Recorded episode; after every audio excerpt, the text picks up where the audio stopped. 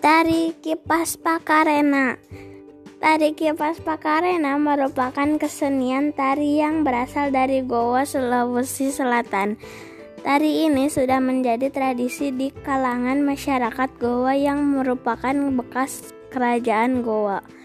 Kisahnya berawal dari perpisahan antara penghuni Boting Langi negeri Hayangan dan penghuni Lino bumi pada zaman dahulu.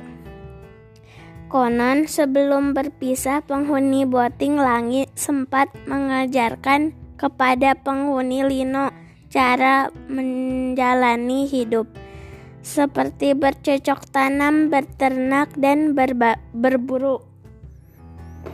Cerita itu diabadikan dalam gerakan tarian. Makna gerakan tarik kipas pakarena seperti gerakan berputar searah jarum jam. Melambangkan melambangkan siklus hidup manusia. Gerakan naik turun mencerminkan roda kehidupan yang kadang berada di bawah dan kadang di atas. Cara menari yang lembut mencerminkan karakter perempuan Goa yang sopan, setia, patuh, dan hormat. Secara keseluruhan, gerakan tari ini meng mengungkapkan rasa rasa syukur.